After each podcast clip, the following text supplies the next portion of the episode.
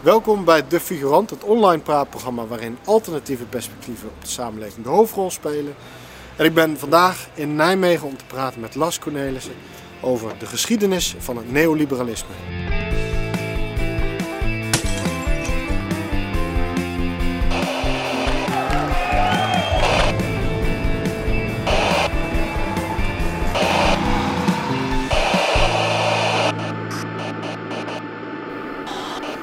Neoliberalisme, het is een term die heel veel gebruikt wordt, met name aan de linkerkant van het politieke spectrum, door kritische media, door journalisten en opiniemakers.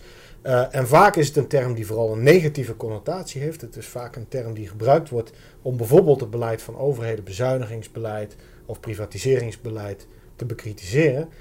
Maar wat is neoliberalisme precies? Waar komt het vandaan? Wat betekent die term?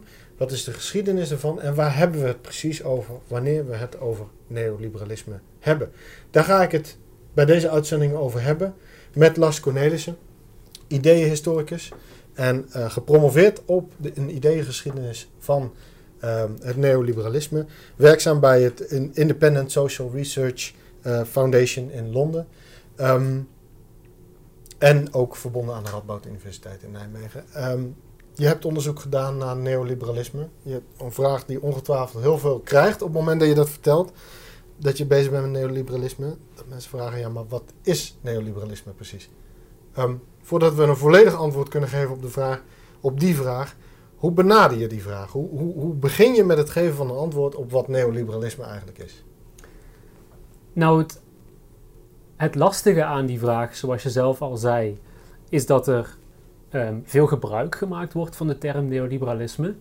Uh, veelal aan de linkerzijde van het politieke spectrum. Het wordt geassocieerd met allerlei dingen die mensen er intuïtief aan koppelen. Marktfundamentalisme wordt vaak genoemd, um, extreme bezuinigingen, rechtsbeleid, algemeen gesproken. En die kritische opvattingen worden uh, vervolgens gebruikt om beleid te bekritiseren of weg te zetten als iets slechts of irrationeels. Maar daarbij wordt meestal niet heel helder gemaakt wat men nou precies bedoelt met het neoliberalisme. Mhm. Als je het neoliberalisme bestudeert, zoals ik dat doe, dan wil je die natuurlijk hanteren en dan wil je dat daar een, uh, een goede definitie van is. Een van de dingen die het in het bijzonder moeilijk maakt om het neoliberalisme te definiëren, is dat er bijna niemand is die zichzelf neoliberaal noemt. Er zijn wel mensen die dat doen, dat zijn er niet heel erg veel. Maar over het algemeen wordt de term niet door mensen geaccepteerd of niet positief um, bedoeld. Dat is anders dan bijvoorbeeld socialisme, dat is anders dan bijvoorbeeld communisme, dat is zelfs anders in zekere zin dan fascisme. En daarmee heb je een, een isme, een ideologie of een, of een vorm van politiek denken die door niemand geclaimd wordt en waarvan niemand zegt: hier sta ik voor, dit zijn mijn ideeën, hier identificeer ik mij mee. Daarom is het moeilijk aan te wijzen wat nou exact het neoliberalisme is. Ehm, dat betekent natuurlijk niet dat er geen definitie van mogelijk is. Ehm, als ik het neoliberalisme zou moeten definiëren, dan zou ik dat ehm, doen door te zeggen: in de kern is het neoliberalisme een manier van denken die antwoord geeft op de vraag: hoe moet je regeren? Hoe moet je een land regeren of een instelling of een organisatie? Mhm. Dus ehm, als je het neoliberalisme op die manier benadert, dan denk je over het neoliberalisme na als een reeks ideeën, als een opvatting over wat de samenleving is, wat de staat is, wat de rol van de staat is in de samenleving, wat de burger is en hoe de staat en de overheid zich verhoudt tot de burger, waar de staat hoort in te grijpen en wanneer en hoeveel en hoe ver. Ehm, en al die opvattingen samen, een specifieke manier van nadenken over die vraagstukken, mhm. dat is het neoliberalisme. Mhm. Je kunt dat ook omdraaien natuurlijk en zeggen, als er ergens beleid gemaakt wordt, of dat nu door de overheid is of door een regering, of uh, in een ziekenhuis of in een universiteit of in het leger, dan kun je ervan uitgaan dat er over dat beleid nagedacht wordt. En dat beleid is gestoeld op ideeën, op opvattingen. Wat is beleid? Wat zouden mensen moeten doen? Hoe willen we dat mensen zich gedragen? En ik zou zeggen dat het neoliberalisme, zeker in Nederland, de afgelopen 40 jaar de dominante opvatting is van hoe beleid zou moeten worden georganiseerd. Waar komt die dominante visie dan precies vandaan? Je zegt hij is dominant, hij is eigenlijk overal aanwezig. Maar waar komt dat precies vandaan? Ik zou niet zeggen hij is overal aanwezig, maar hij is wel dominant in de zin mhm. dat je ehm, hem, hem heel veel terugvindt. Mhm. En in het bijzonder en, en het, het, belangrijkste op het niveau van regeringen. Mhm. Dat is in Nederland het geval. Ehm, daar is een specifieke vorm van het neoliberalisme aanwezig in het regeringsdenken. Maar dat is ook elders in de wereld het geval. Dat is het geval in Engeland en de Verenigde Staten en België en Frankrijk, maar ook in Zuid-Amerika en in Zuid-Afrika. Dus het is een wijd verspreide vorm van denken over regeren. En zoals ik al zei, in Nederland kun je die traceren tot aan uh, het begin van de jaren 80. Um, dus die, uh, uh, die kwam in zwang rond het tweede kabinet van acht. Um, in Engeland moet je denken aan de regering van Margaret Thatcher en in de Verenigde Staten aan de regering van Ronald Reagan. Dus dat is een periode in de geschiedenis waarin in de jaren 70 en 80 er een, een paradigmawisseling plaatsvindt, zo je wilt, waarin er anders nagedacht wordt over regeren. En die heeft zich uh, op verschillende manieren en in verschillende tijdstippen in de wereld verspreid. Mhm. In Zuid-Afrika bijvoorbeeld is die vooral in zwang gekomen vlak nadat apartheid Ehm, afgelopen is. En in uh, Chili daarentegen is het in de vroege jaren 70 al um, populair geraakt, of althans toegepast door uh, generaal Augusto Pinochet na zijn coup d'etat. Mhm. Dus we zitten te kijken naar een vorm van denken over politiek die in een bepaalde setting um, op een bepaald moment dominant wordt. Mhm. Maar die heeft ook een voorgeschiedenis. Mhm. Dat is het moment, uh, de jaren 70 en 80 is het moment waarop die in de wereld zich begon te verspreiden. Maar daarvoor mhm. is er door een groep mensen, die we nu neoliberalen zouden noemen, nagedacht over die vraag: hoe moet je nou eigenlijk regeren? Wat is de beste manier om te regeren en hoe kun je mensen op een bepaalde manier sturen, zodanig dat ze zich gedragen op de manier waarvan wij willen dat ze zich gedragen? In die zin kun je dus een onderscheid maken tussen neoliberale politiek, mhm. Thatcher, Reagan, Van Acht, Mark Rutte, en neoliberaal denken, de filosofen die daarachter liggen. Als je die laatste vorm van het neoliberalisme wil bestuderen, en dat is waar mijn onderzoek over gaat, hoofdzakelijk, dan ga je terug naar de um, tussenoorlogse periode, maar in het bijzonder naar de naoorlogse periode. Mhm waar er een moment was waarop een groep liberale filosofen en economen en wetenschappers en intellectuelen zichzelf afvroegen: hoe kunnen we het liberalisme opnieuw leven inblazen? We hebben het dan over een periode waar er uh, net twee wereldoorlogen zijn geweest, maar ook een grote depressie heeft plaatsgevonden in de jaren 30. Die grote depressie werd toen de tijd vrij algemeen beschouwd als het einde van een, een oudere vorm van liberalisme die in de 19e eeuw heel erg invloedrijk was in Europa. En het, de Grote Depressie werd gezien als een moment waarop bleek dat de zelfregulerende markt niet zelfregulerend is, maar eigenlijk destructief is. En kan ontploffen, zo je wilt. Uh, dat was de Grote Depressie. Dus we zitten in een context na te denken waarin er vlak na de oorlog, zeker in Europa, nagedacht moet worden over een nieuwe politieke orde. Mhm. De oorlogseconomieën zijn langzaamaan af aan het breken. En ehm, deze liberalen denken, we willen het liberalisme redden van de eigen ondergang. Van de ondergang die geleid heeft tot de grote depressie. En dat betekent dat we niet het oude liberalisme zoals dat in de 18e en 19e eeuw is bedacht, kunnen ehm, opnieuw kunnen toepassen. Maar we hebben een nieuw liberalisme nodig. Vandaar neoliberalisme. Daar staat algemeen de term neoliberalisme voor. Dat was overigens, even een voetnoot, een term die zij in het begin zelf ook hanteerden. Ja, ja. Dus ze waren blij met het label neoliberalisme. Ze vonden dat een goede manier om zichzelf te onderscheiden van, van andere vormen van liberalisme die in de geschiedenis ehm, eh, voorkwamen of die tegelijkertijd in diezelfde periode door andere um, sociaal-liberalen werden ontwikkeld. En wie zijn, wie zijn zij dan in deze context? Goeie vraag. De mensen over wie we het hebben zijn uh, een groep filosofen en intellectuelen en economen, zoals ik al zei, die zich in de naoorlogse periode probeerden samen te oriënteren op deze vraag: hoe kunnen we het liberalisme opnieuw leven inblazen? En die, werd, die groep werd specifiek door Friedrich von Hayek aangevoerd. Een uh, Oostenrijkse filosoof en econoom die in de jaren 70 de Nobelprijs voor economie won. Die in 1944 het uh, uh, ontzettend populaire boek The Road to Serfdom heeft gepubliceerd. En daarmee heel erg beroemd werd in de Verenigde Staten, in het bijzonder, maar ook in Europa. Um, hij heeft daarmee de aandacht getrokken van een paar rijke mensen en een paar rijke instituten. Die hebben hem wat geld gegeven. En in 1947, op 1 april 1947, heeft hij een groep uh, gelijkgezinden samen uh, uh, uitgenodigd om naar Mont Pelerin te komen. Dat is een dorpje in de Zwitserse Alpen. En daar hebben zij samen een denktank opgericht. Een, een, zoals Hayek het noemde, een intellectuele academie. Waar gelijkgezinde liberalen samenkwamen om na te denken over de vraag: hoe kunnen wij het liberalisme opnieuw leven inblazen? Hoe kunnen wij het liberalisme opnieuw denken, herdenken, herijken? Zodanig dat het een filosofie kan worden, een politieke filosofie, voor de 20e eeuw. Hayek noemde ik al. Hij is de onbetwiste filosofische voorloper van het neoliberalisme, of de, de, de meest filosofisch diepgaande denker van het neoliberalisme.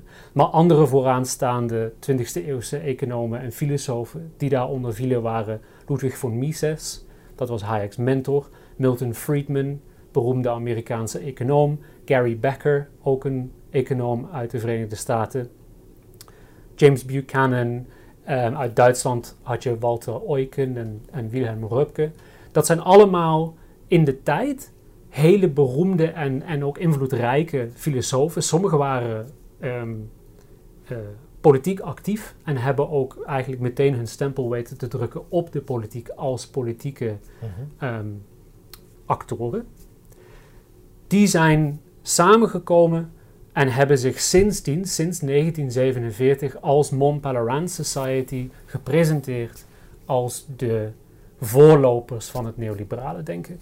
Die kwamen eens, of, eens per jaar of eens per twee jaar samen op conferenties om over deze problemen na te denken. En dat doen ze nog steeds? Dat doen ze nog steeds, die bestaat nog steeds. Um, het is um, een gesloten groep. Je kunt alleen op uitnodiging bij de Mont Pelerin Society um, lid worden. Maar inmiddels is die uh, behoorlijk groot. Ik weet de exacte getalen niet. Maar um, is beroemd in, mm -hmm. in de liberale traditie als de vooraanstaande 20e eeuwse liberale denktank. Nu, nu sommige, sommige, mensen die dit horen, die zullen zeggen, maar dat klinkt bijna als een soort samenzweringstheorie. Ja. En, ja. Een aantal filosofen die, en, en, wetenschappers die bij elkaar komen in de Zwitserse Alpen en die vervolgens een soort visie ontvouwen en dat gaan verspreiden over de wereld. Ja. Is het een samenzweringstheorie? Um, soms krijgt het de vorm van samenzweringstheorie en er zijn boeken die daar heel erg op lijken. Maar het is geen samenzwering.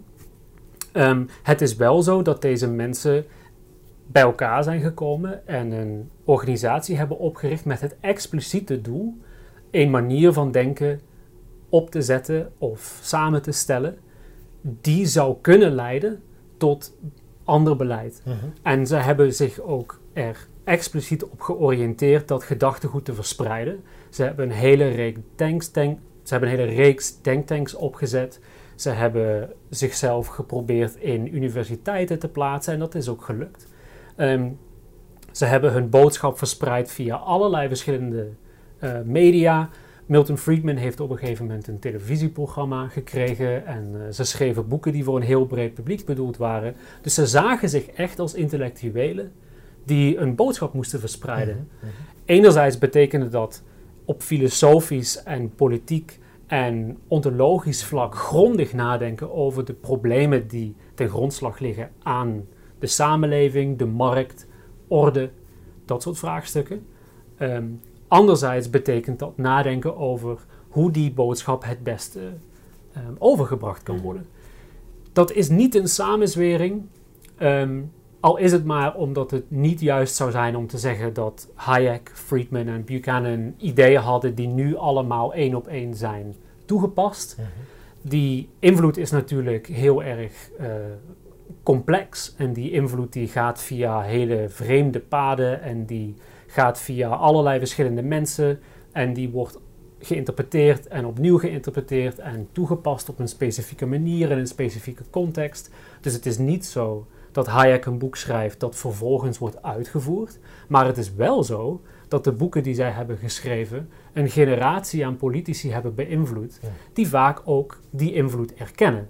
Margaret Thatcher heeft heel ehm, op beroemde wijze ooit gezegd tijdens een, een partijconferentie van de Conservatieve Partij: This is what we believe. En ze, ze richten daarbij op een boek van Hayek. Mhm. Mark Rutte heeft wel eens gezegd dat hij uh, Friedrich Hayek de belangrijkste filosoof van de 20e eeuw vond en dat hij geïnspireerd is door het gedachtegoed van Hayek. En zo zijn er nog veel meer ehm, voorbeelden. Mhm. En er zijn ook, zoals ik al zei, momenten waarop die mensen zelf zich bij de politiek gingen betrekken. Mhm. Dat was in het geval van Duitsland, West-Duitsland, in de naoorlogse periode al meteen het geval. Er waren veel Duitse neoliberalen die zich in de West-Duitse regering ehm, hebben geplaatst. Maar tijdens de regering van Pinochet in Chili zijn er ook neoliberale denkers naar Chili toegehaald. Mhm. Waaronder in het bijzonder Friedman, Hayek en Buchanan. Die zijn gevraagd om advies te geven. Mhm. En die stuurden ook hun boeken naar Pinochet toe, maar ook naar Salazar in Portugal bijvoorbeeld. Dus zij zagen zichzelf echt als de personen die achter de politici stonden en met die politici probeerden verandering te brengen in onze samenleving. Oké, dus we hebben het op zijn minst in zekere termen over, laten we zeggen, een, een soort politiek project.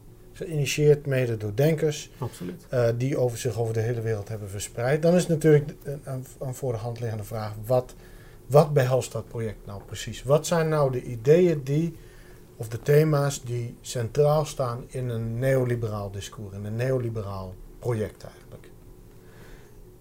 Het eerste dat je daarop wil zeggen is natuurlijk, er is niet één Mhm.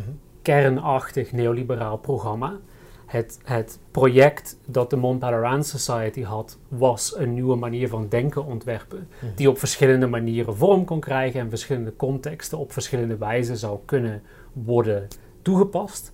Dus het is correcter om te spreken over neoliberalisme misschien. Mhm. Mhm. Maar de kern van al die verschillende substromingen van het neoliberalisme is als volgt. De, de markt is de belangrijkste vorm van ordening in een samenleving.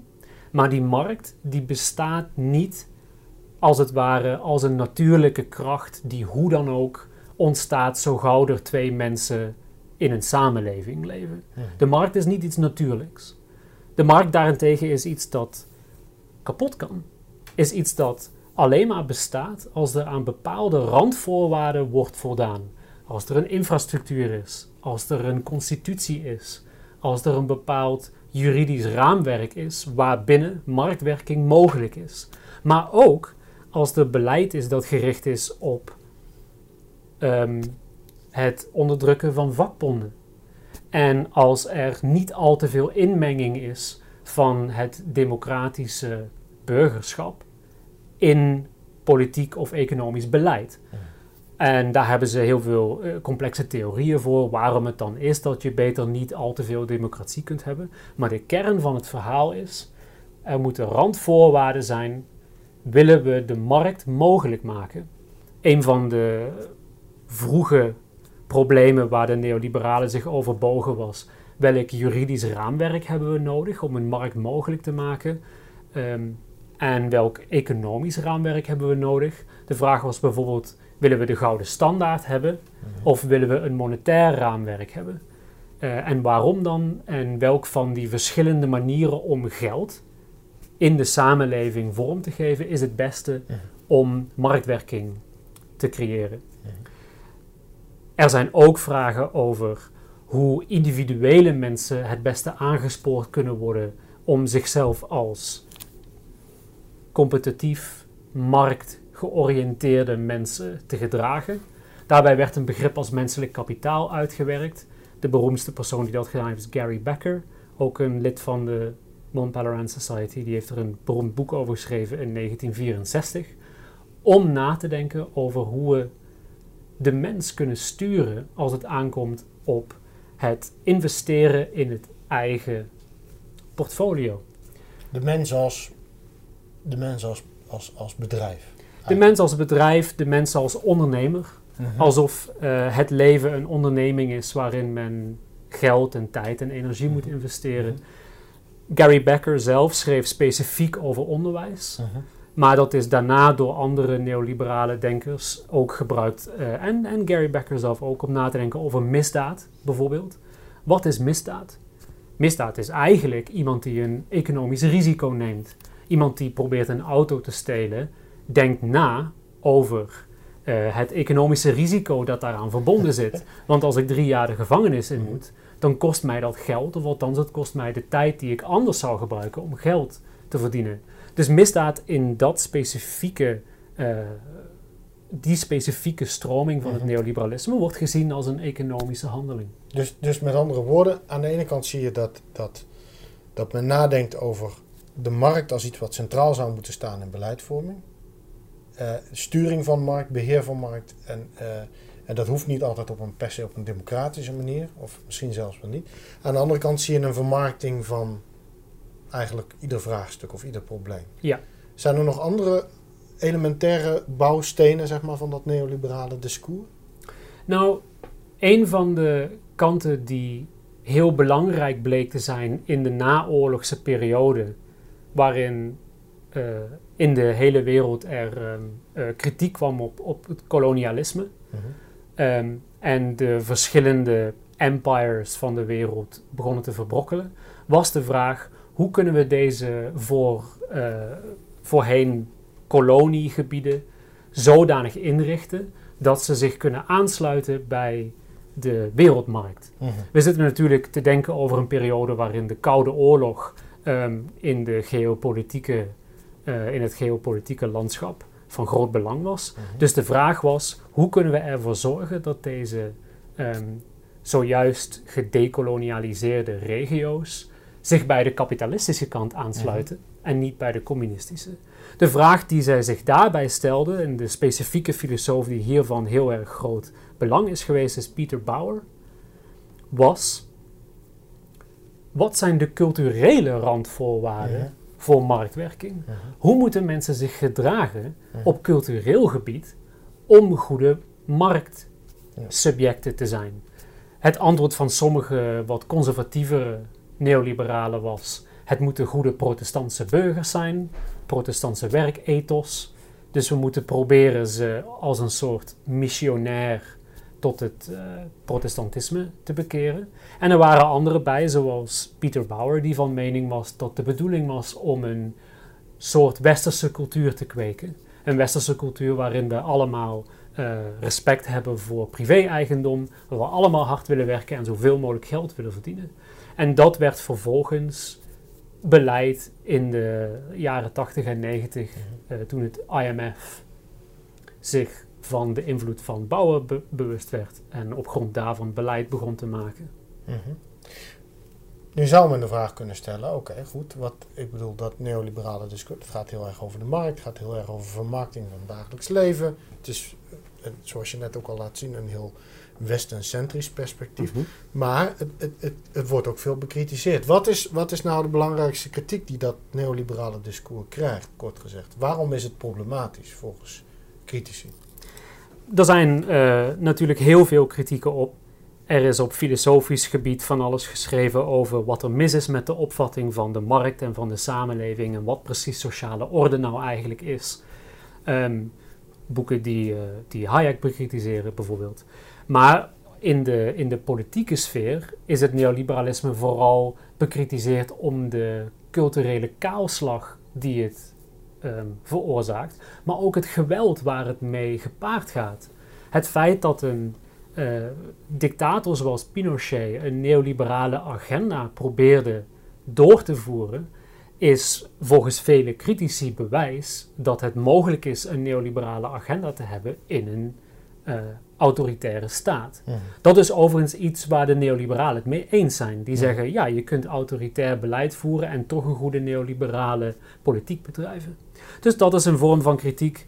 Eh, er is een vorm van kritiek die zegt, de, de bezuiniging die vereist is onder een neoliberale agenda, of de privatisering of de deregulering, zorgt ervoor dat er meer ongelijkheid komt in de samenleving. Zorgt ervoor dat de verzorgingsstaat af wordt gebroken. Zorgt ervoor dat het culturele leven van een, van een land verarmert. Dat zijn allemaal kritieken die je hoort. Het zijn kritieken die uiteindelijk zeggen: wij willen niet dat ons leven louter bestaat uit markt. Mhm. Wij willen ook dat er iets anders is aan het leven. We willen dat de politiek over iets anders gaat. Dus uiteindelijk kom je neer bij het vraagstuk: wat vinden wij belangrijk Mhm. als samenleving en waarvan willen wij, ehm, of waarover willen wij dat regeren eigenlijk gaat? Vinden wij het juist dat regeren vooral moet gaan over economische vraagstukken en daarbinnen vooral moet gaan over hoe goed de markt functioneert? Mhm. Of vinden wij het ook heel belangrijk dat de staat eh, ervoor zorgt dat de mensen die het minder goed hebben of die het minder makkelijk hebben, het ook, Mhm. ook mee kunnen met de rest van de samenleving? En als ik je goed begrijp, er is een probleem van een democratisch tekort in zekere zin. Op het moment, vanuit neoliberaal perspectief, op het moment dat er een spanning bestaat tussen democratie of democratische legitimiteit enerzijds en de markt anderzijds, dan is die keuze snel gemaakt. Dan Ja. heeft de markt voorrang. Dus de, de neoliberale denkers zeggen altijd: wij zijn principieel beschouwd voor democratie. En wij vinden democratie een belangrijke voorwaarde voor een liberale samenleving waarin iedereen een stem heeft. Maar die democratie moet niet te ver gaan. Dus daar moeten perken aangesteld worden. Bijvoorbeeld, ehm, eh, economisch beleid zou eigenlijk niet door burgers moeten worden beïnvloed. Daar heb je een aparte tak van de overheid voor nodig die niet door burgers, maar door experts in de economische wetenschap wordt geleid. Er is natuurlijk oneenigheid tussen eh, neoliberale filosofen. Ze zijn het niet over alles Mhm, eens.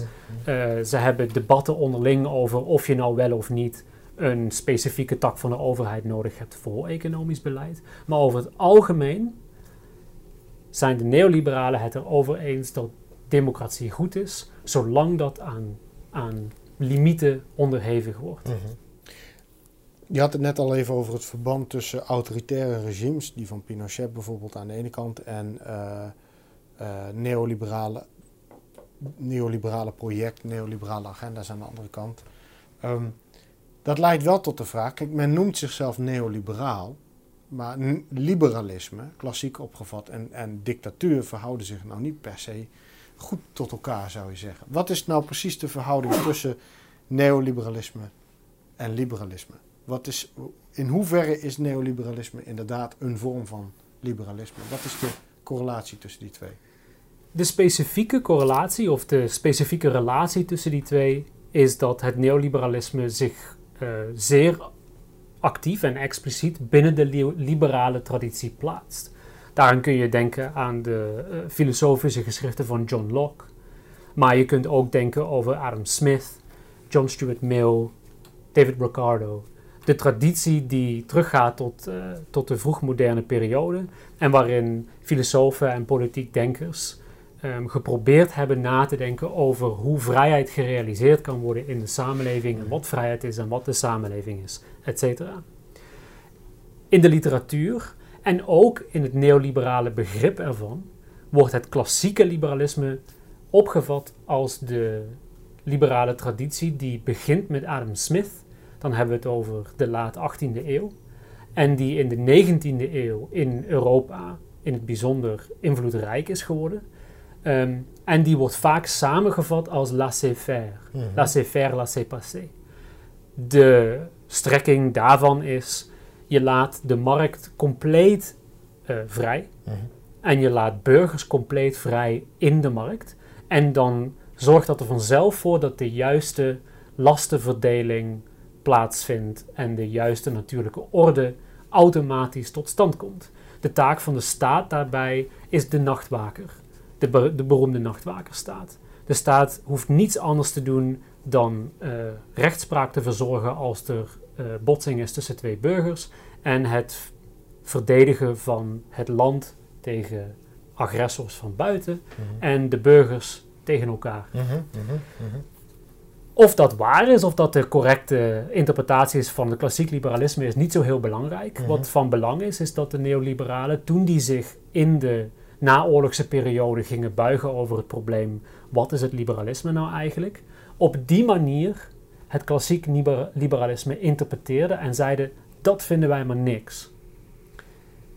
Op grond van hun kritiek van het klassiek liberalisme hebben zij dus een ander liberalisme mhm. ontworpen, mhm. dat zich veel actiever instelt, waarbij de staat een veel grotere en actievere rol heeft.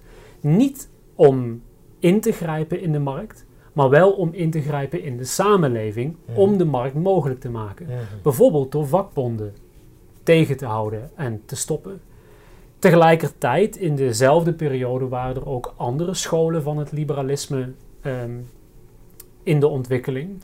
De meest beroemde en meest belangrijke in die periode was het liberalisme van John Maynard Keynes, die een vorm van sociaal liberalisme, zo je wilt, uh, heeft ontworpen, waarbij de staat heel erg veel ingrijpt in de markt om ehm, full employment te mhm. bereiken mhm. en om de gelijkheid wat te stimuleren.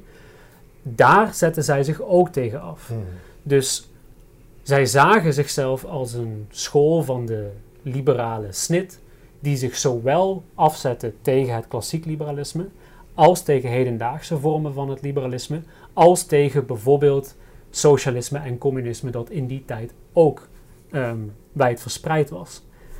Dus je bevindt je in de tweede helft van de 20e mhm. eeuw in een situatie waarin het liberalisme eigenlijk opnieuw gedacht wordt mhm. in verschillende regio's en op verschillende manieren. En een van die verschillende tradities is het neoliberalisme. Die, die dan dus op punten wel heel erg verschilt van die traditionele liberale stroming, om het zo maar te zeggen. Ja. Tegelijkertijd is het zo dat veel van de neoliberalen zichzelf ook zien als een erfgenaam van Adam mhm. Smith in het bijzonder en David Ricardo.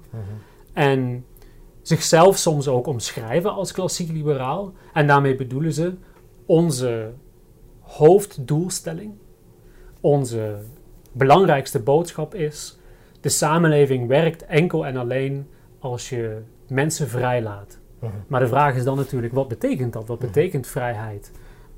Wat is daarvoor vereist? Wat is daarvoor nodig? En wat betekent het om tegen de regering te zeggen: jouw taak is vrijheid mogelijk te mhm, maken. Mhm. En daar zijn ze het over oneens met zo iemand als Adam Smith of David Ricardo, die uiteindelijk zeggen: de vrijheid is iets dat je doet door je terug te trekken als staat en een bepaalde grens te stellen aan je eigen ingrijpen en daarbuiten mag iedereen zich gedragen zoals hij of zij wilt. Neoliberalisme is in dat opzicht niet incompatibel met een sterke staat die juist de voor, randvoorwaarden schept voor, al dan niet met geweld, zei je eerder al, voor uh, die markt. Um, een, een, ander verband waar, waar veel mensen aan zullen denken, als de term neoliberalisme wordt gebruikt, is met um, rechtse partijen of rechtse politici um, die bijvoorbeeld een conservatieve agenda hebben. En vaak lijkt er ook op dat de term neoliberalisme gebruikt wordt in referentie naar conservatieve politici, uh, zoals bijvoorbeeld de rechtervleugel van de VVD oorspronkelijk, of om een recenter voorbeeld in Nederland te noemen, Forum voor Democratie. Wat ook eigenlijk een, een, een conservatieve partij is in veel uh, opzichten. Eh, zijn neoliberalisme en, en, conservatisme wat dat betreft hetzelfde? Hoe verhouden die twee zich precies tot elkaar in het hedendaagse maatschappelijke debat? Ik zou zeggen dat het um, vanuit het perspectief van de ideeëngeschiedenis gesproken van belang is om een onderscheid te hanteren tussen het conservatisme en het neoliberalisme. Of algemener tussen conservatisme en liberalisme. De omstandigheden waarin die twee tradities uh, tot stand kwamen waren anders. De problemen waar ze uh, omheen draaien zijn anders. Maar er is ook een hele grote kruisbestuiving geweest tussen het liberale denken en het conservatieve denken. Mhm. Hayek beroept zich heel vaak op Edmund Burke bijvoorbeeld, uh, die alom bekend staat als de, um, de, de, de vader van het conservatisme in mhm. het Verenigd Koninkrijk. filosofisch gesproken is er dus al een, een flinke ehm, overlap tussen die twee. In de politiek is dat iets moeilijker te zeggen. Het wordt vaak ehm, gedacht dat iemand als Baudet, uh, Thierry Baudet en, en zijn Forum voor Democratie een, een variant is van het neoliberalisme. En daar zou ik van zeggen, dat kan, maar dan moet je wel een bepaalde definitie van het neoliberalisme hanteren. En het is niet zo dat de gedachtegoederen die, die daarachter liggen, of bijvoorbeeld de conservatieve partijen in het Verenigd Koninkrijk, direct en, en onproblematisch gezien kan worden als een, als een erfgenaam van het neoliberale gedachtegoed. Ik denk echter wel dat er heel erg veel ehm, relaties zijn tussen die verschillende uh, opvattingen mhm. over de samenleving en over de politiek. Daar bestaat, zoals ik al zei, veel kruisbestuiving. Maar het is ook zo dat je, als je kijkt naar de politieke geschiedenis van veel Europese landen, waaronder uh, in vrij prominente zin Nederland, kunt zien dat de neoliberale traditie langzaamaan in de jaren negentig ruimte begint te maken binnen de eigen traditie voor een vorm van cultuurconservatisme. Um, daar is veel goed onderzoek naar gedaan. En um, in, in Nederland moet je bij een, een, neoliberale partij absoluut denken aan de VVD. Um, ehm, om dat even kort samen te vatten, de VVD is opgericht heel vlak nadat de Mont Pelerin Society op is gericht op Peter Oud. En Peter Oud had als expliciet doel zichzelf te beroepen op het gedachtegoed van de neoliberalen toen hij die partij oprichtte.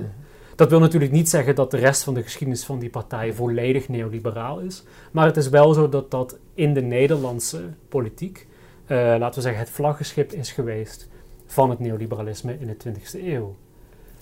In de jaren 90 begonnen binnen de VVD een, uh, een, een paar stemmen op te komen die kritiek begonnen te hebben op multiculturalisme bijvoorbeeld en op linkse politiek. Denk aan Frits Bolkestein. Uh Ehm, Geert Wilders komt uit de VVD, Rita Verdon komt uit de VVD. En die conservatieve insteek, die zat altijd al in het neoliberale gedachtegoed, maar die is in die periode langzaamaan eruit gekomen en langzaamaan ontwikkeld. Ik denk dat die in eerste instantie, zeker in Nederland, grotendeels door de neoliberale politici is gevoed. En vervolgens is daar een situatie gekomen waarin die opgepikt is door mensen die zichzelf waarschijnlijk minder in de neoliberale traditie zouden plaatsen en meer in de conservatieve traditie. Mhm. Ik denk ook dat het belangrijk is om uh, stil te staan bij het feit dat een paar decennia neoliberaal beleid geleid heeft tot een samenleving waarin de ongelijkheid enorm groot is, mhm. waarin de verzorgingsstaat afgebroken is, waarin bezuinigingen hebben gezorgd voor een, uh, een, een laten we zeggen, sociaal onstabiele situatie. Mhm. En dat is in de afgelopen, laten we zeggen, tien jaar een hele ehm, rijke voedingsbodem geweest voor rechtse partijen die zichzelf meer als conservatief profileren dan als liberaal. Dus, en dus, dus, om een voorbeeld te noemen, hè, uh, ik had het net al even over Baudet. Is Baudet wat dat betreft een typische conservatief of een typische neoliberaal volgens jou? Ik zou Baudet een, een conservatief noemen die zowel door het neoliberalisme mogelijk is gemaakt, mhm. ehm, als die zich in bepaalde opzichten van zijn denken op neoliberaal denken uh, baseert. Mhm. Het is ook zo dat iemand als Roger Scruton, die Baudet heeft begeleid in zijn mhm. ehm, doctoraat, zich heel erg fundamenteel gebaseerd heeft op het gedachtegoed van Hayek.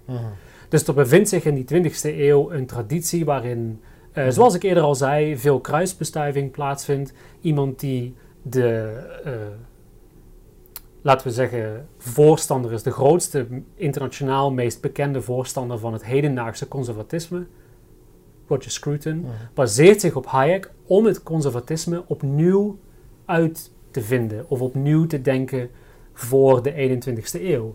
Daar komt vervolgens Thierry Baudet uit, die zichzelf liever op de conservatieve ideeën baseert, maar daarmee dus wel ergens een soort neoliberale erfgenaam is. Tegelijkertijd een aantal van de dingen die hij wil, om bijvoorbeeld een exit, hè, een, soort brexit uh, of een, een, uittreding uit de Europese Unie door Nederland, uh, dat is toch iets waar heel veel neoliberalen absoluut niet blij mee zouden zijn, lijkt me. Nee, de meeste neoliberalen zijn, zijn voor een federale Europese staat. Mhm. Er is ook veel heel erg goed onderzoek dat aantoont dat de Europese Unie zoals die nu bestaat gestoeld is op bepaalde vroeg neoliberale Mhm. ideeën. Mhm.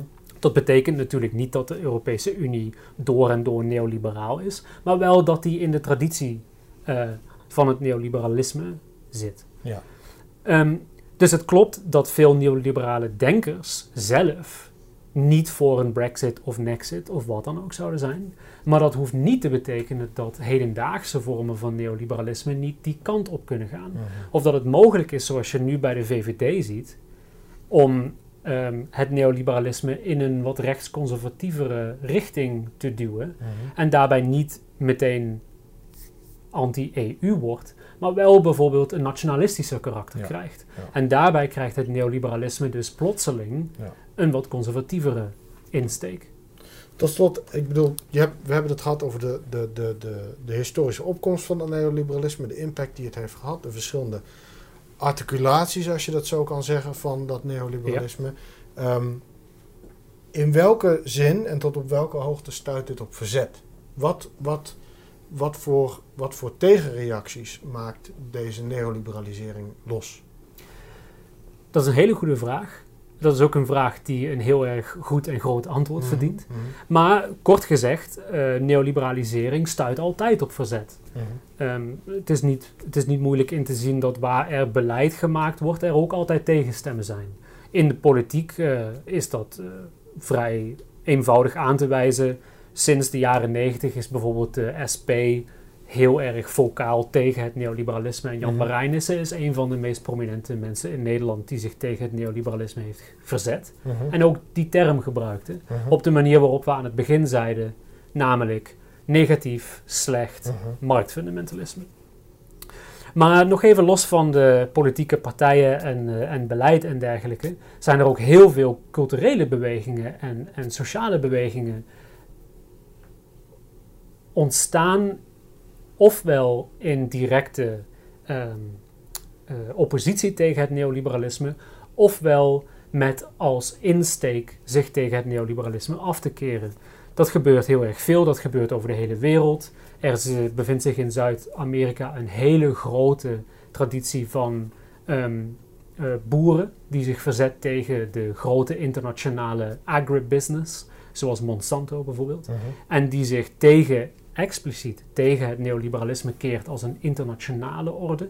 De Zapatistas in Mexico zijn een goed voorbeeld van een expliciet antiliberale verzetsbeweging. In de Verenigde Staten kun je denken aan Black Lives Matter. Dat is een beweging die zich in eerste instantie keert tegen racisme in de Mhm. politie bijvoorbeeld, maar die ook een subtiele opvatting heeft van het neoliberalisme en eh, algemener gesproken het kapitalisme. Mhm. En hoe racisme en neoliberalisme en kapitalisme vervlochten zijn. In Nederland kun je eh, een paar jaar geleden denken aan de nieuwe universiteit. Mhm. Dat was een beweging die eh, probeerde de universiteit in Nederland te deneoliberaliseren. Mhm. Ik denk ook dat we ehm, stil moeten staan bij verzet tegen het neoliberalisme aan rechterzijde. Mhm. De voorbeelden die ik tot nu toe heb genoemd, heb genoemd eh, zou je als links kunnen omschrijven. Maar het is ook ehm, belangrijk erbij stil te staan dat bijvoorbeeld de gele hesjes in Frankrijk en ook in Nederland tegenwoordig een stem zijn tegen bezuiniging, tegen deregulering, tegen kaalslag. Maar uit een wat rechtsere hoek komen. Of dat rechts is of links, dat Mhm. is een debat waar ik niet eh, op in wil gaan. Maar ehm, dat is wel een nationalistische eh, manier om, om Mhm. zich te verzetten tegen het neoliberalisme. En ik denk ook, om terug te keren bij het, eh, het onderwerp waar we het net over hadden, wat vaak eh, genoemd wordt rechtspopulisme, Forum voor Democratie, Partij voor de Vrijheid. Dat zijn denk ik ook reacties ten dele op de neoliberalisering van de samenleving. Mhm. De neoliberale elite, de neoliberale Europese Unie, etc. Mhm. Dus er zijn heel veel vormen van verzet tegen het neoliberalisme aan beide kanten van het politieke spectrum. En die zijn ehm, vaak heel erg rijk in hun kritiek op het neoliberalisme. Daar bestaat veel genuanceerd ehm, kritisch denken over wat het neoliberalisme precies is en hoe je er tegen kunt vechten. Ja. En soms zelfs wat de alternatieven zouden moeten zijn. Ehm, en daarvan zou ik zeggen, eh, die zijn belangrijk om te bestuderen. Alleen al om te begrijpen waarom mensen boos zijn op het neoliberalisme. Maar ook wat voor alternatieven mensen aan het, eh, aan het ontwikkelen zijn. mhm.